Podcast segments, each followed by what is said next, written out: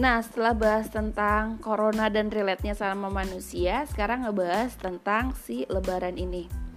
Lebaran ini mm, mungkin beberapa orang bakal ngerasain lebaran yang berbeda daripada lebaran sebelumnya karena mungkin adanya uh, aturan pemerintah untuk PSBB terus untuk melarang mudik tapi boleh pulang kampung itu statementnya Pak Presiden uh, mungkin ada beberapa orang yang nggak bisa mudik ke kampung halaman karena PSBB itu dan juga memang mungkin ada aturan kalau pulang ke kampung halaman harus isolasi mandiri selama 14 hari atau memang disediakan tempat yang serem banget buat isolasi mandiri gitu kan. Uh, terus uh, kalau mau keluar dari Jakarta harus pakai surat yang akhirnya surat itu bisa diperjualbelikan untuk mendapatkan surat tersebut gitu. Terus juga jalan jalan-jalan juga banyak ditutup dan lakukan pemeriksaan sehingga orang memunculkan untuk mudik dengan menggunakan travel gelap yang harganya selangit. Dan juga ada yang memaksakan untuk mudik hanya untuk bisa bertemu dengan keluarga karena sudah berbulan-bulan atau mungkin satu tahun tidak bertemu. Terus juga ada juga yang memang bertahan di tanah rantau, misalnya seperti aku secara pribadi tetap di Jakarta selama Lebaran. BTW kita nggak ada sanak keluarga di Jakarta jadi benar-benar kayak oke okay, ini Lebaran di tanah rantau dengan lingkungan tetangga yang kayak nggak peduli juga sih, maksudnya kayak pas lebaran tuh kayak mungkin bakal ada salam-salaman gak ya di, di, di tetangga ini? Ternyata tidak ada sama sekali gitu kan dan juga mm, sholat idnya mungkin tidak semua masjid sholat id. Katanya yang sholat id itu banyaknya laki-laki gitu kan. Dan banyak hal yang mungkin yang buat lebaran ini berbeda dari lebaran sebelumnya karena si covid-19 ini. Kalau misalnya dilihat mungkin uh, apa ya statementnya Najwa Sihab di videonya dia bahas tidak ada yang sia-sia karena mungkin campaign di rumah aja dari dua bulan yang lalu itu uh, tiba-tiba sangat gak dipeduliin ketika mau menuju si lebaran itu gitu kan. Kayak orang sibuk sangat sibuk untuk berlomba-lomba untuk meninggalkan ibu kota dan pergi ke kampung halaman lewat jalan tikus atau juga rela bayar uang mahal lebih mahal biayanya untuk bertemu keluarga ya oke okay, itu juga aku nggak salahin sih. Kalau memang mereka mengambil decide keputusan untuk seperti itu gitu kan.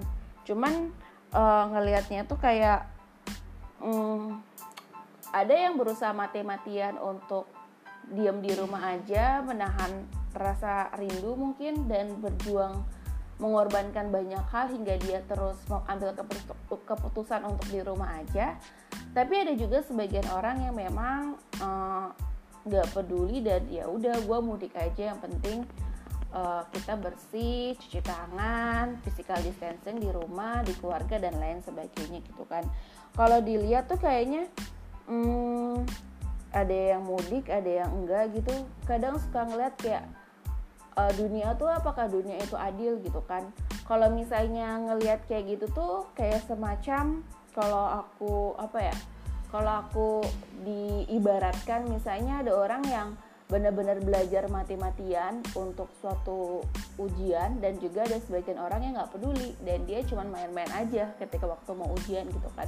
Tapi pas ujiannya tiba tuh si orang yang main-main aja ternyata lebih lancar lakuin proses ujiannya. Terus kayak lebih gede nilainya dan lebih mudah mendapatkan pekerjaan setelahnya atau misalnya dapat beasiswa setelahnya atau bisa menjadi uh, mahasiswa kesayangan bagi dosennya gitu kan.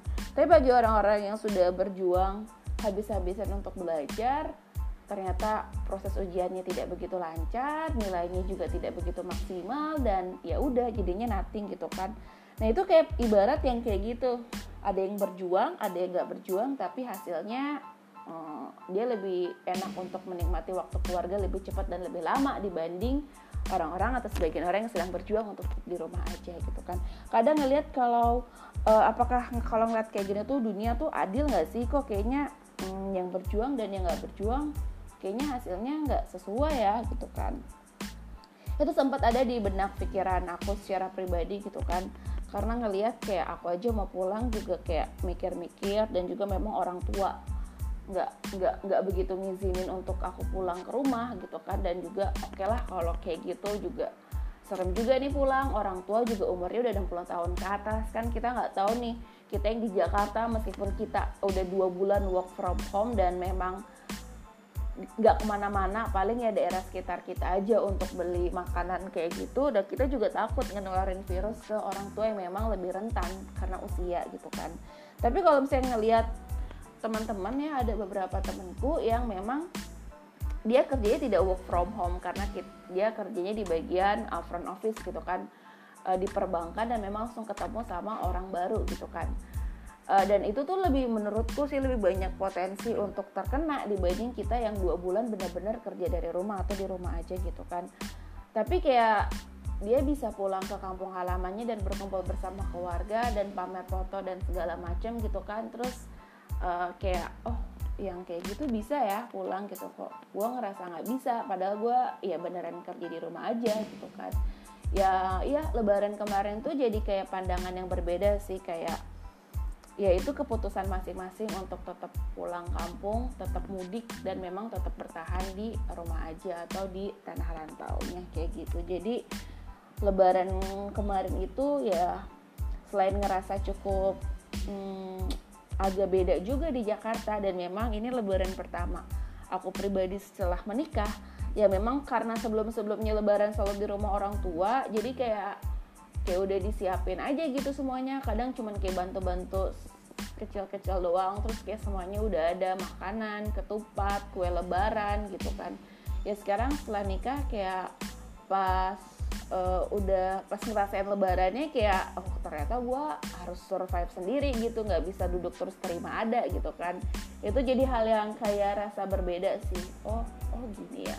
Dan ditambah ini di Jakarta nggak ada sanak saudara jadi kayak ngerasa oke okay, kita bersama-sama di rumah aja gitu kan lebarannya gitu. Cuman alhamdulillahnya kemarin juga dapat dapat makanan dari tetangga di bawah gitu kan uh, yang ngasih mungkin karena sadar ini di atas uh, btw kita rumahnya di atas terus ada tetangga yang di bawah. Mungkin orangnya di bawah tuh menyadari bahwa di atas ada pasangan muda. Mungkin wanitanya belum bisa memasak gitu kan. Memasak ala-ala lebaran seperti itu makanya mungkin memberikan. Atau memang emang ingin beri beri aja gitu pas lagi lebaran gitu. Cuman ada rasa yang berbeda ketika jam setengah tujuh tuh di WhatsApp untuk turun ke bawah karena mau dikasih sayur katanya terus pas ternyata kita dikasih sayur uh, godok uh, rendang semur dan opor. Katanya ketupatnya kita nggak buat. Oh, oke okay, nggak apa-apa makasih ya gitu kan. Terus kayak ngerasa wah gila deh ternyata kita jadi juga lebarannya. Karena kemarin itu memang aku nggak niat masak seperti itu karena memang belum bisa masak yang bersantan-santan kayak gitu uh, takutnya gagal gitu kan. Jadi kayak udahlah kita lebaran ya udah biasa aja gitu kan. Yang penting kita berbarengan aja di rumah gitu kan. Terus pas dikasih makanan itu sama tetangga di bawah ngerasa kayak kayak terharu sih. Senangnya lebih ke terharu.